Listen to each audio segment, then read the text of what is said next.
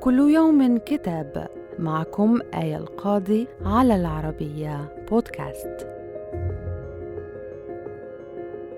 كتابنا اليوم بعنوان لبنان بين الأمس والغد من تأليف نواف سلام وهو قاض في محكمة العدل الدولية في لاهاي وكان سفير لبنان لدى الأمم المتحدة وطرح اسمه لتولي رئاسة الحكومة أكثر من مرة في السنة الأخيرة.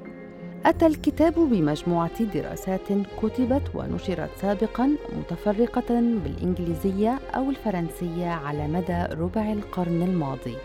وهي في مجملها ترسم رؤية متكاملة للوضع اللبناني منذ التكوين الأول لهذه البقعة الصغيرة من الأرض إلى اليوم.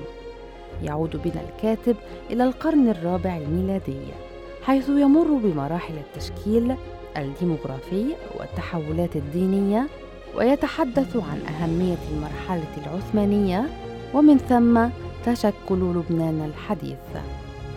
وفي مركز الاهتمام مدى تجذر الطائفية وتحول معانيها ووظائفها وما تمثله في الزمن الراهن.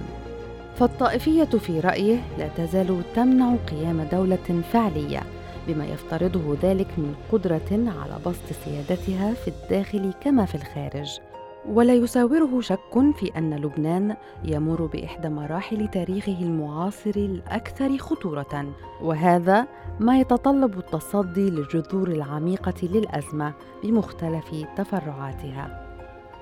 نرى في الكتاب تصورا إصلاحيا لدولة تتخلص من مرض الطائفية تدريجيا وتبسط سيادتها على أراضيها وتتعامل مع أفرادها بصفتهم مواطنين متساويين في الحقوق. صدر الكتاب عن دار شرق الكتاب في بيروت. وإلى اللقاء مع كتاب جديد.